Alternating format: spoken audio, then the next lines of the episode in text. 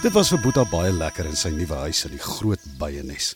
Almal het hom bederf en die lekkerste kos aangedra. In die oggend het Boeta laat gelê en wanneer hy wakker word, het die werkers baie reg gestaan met die beste kos in die nes en dan het hy geëet en geëet. So het dit aangegaan vir weke en weke. Boeta het 'n vet hommelbytjie geword. Maar hy was ook ongelukkig want omdat hy so groot en vet geword het, het hy luier en luier geword. En later het hy al minder en minder by sy ouers gaan kuier. Op 'n dag lê Boeta by op sy bed. Hy het vreeslik maagpyn en hy voel glad nie lekker nie. O, oh, my maag is seer. Ek wonder hoekom. My my lyf is seer en ek sukkel om op te staan. Een van die ouer werkers by hy gaan staan by hom. Boeta, ek wil nou nie uit my beerd uit praat nie, maar jy sal moet begin oefening doen. Anders dan gaan jy later glad nie meer kan loop of vlieg nie. Boeta by skrik toe die ou by met hom praat. Hy weet wat die ou by sê is heeltemal reg. Al wat hy nog die afgelope weke gedoen het, is eet en eet en slaap en slaap en dit kan nie goed wees vir hom nie. Maar wat kan ek doen, oom by? Ek mag nêrens gaan nie. Ek mag net hier in die huis bly en eet en slaap, sê Boeta by en vryf oor sy maag. Dis omdat jy 'n hommel by is, Boeta. Die koningin is besig om jou vet te voer sodat jy genoeg energie het om een van die dae aan die groot vlug deel te neem, antwoord die ou by. Maar ek sou mos nie kan vlieg as ek so vet is nie, oom by, sê Boeta en probeer opstaan. Dan sê jy 'n plan moet maak met die eetere en geslaap, Boeta, sê die ou by. Maar hoe? vra Boeta.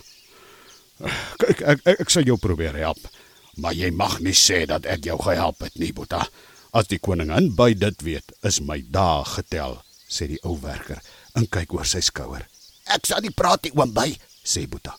Nou maar goed. Sorg dat jy van nou af minder eet en meer water drink. En jy moet ook elke dag hier uitkom en oefening doen. Al stap jy net hier deur die hele nes rond. Later sal jy beter voel. En dan moet jy uit die nes probeer uitkom en probeer om te vlieg. Jy moet jou vlerke weer sterk kry. O, oh, ek dink dit klink na baie goeie raad oom by. Ek sal dit beslis doen, sê Boeta by. Die volgende oggend vroeg staan Boeta by op.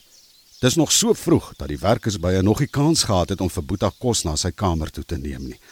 Hy spring op en was sy gesig en dan trek hy sy geel hommel by pakkie aan en sluip by die kamer uit.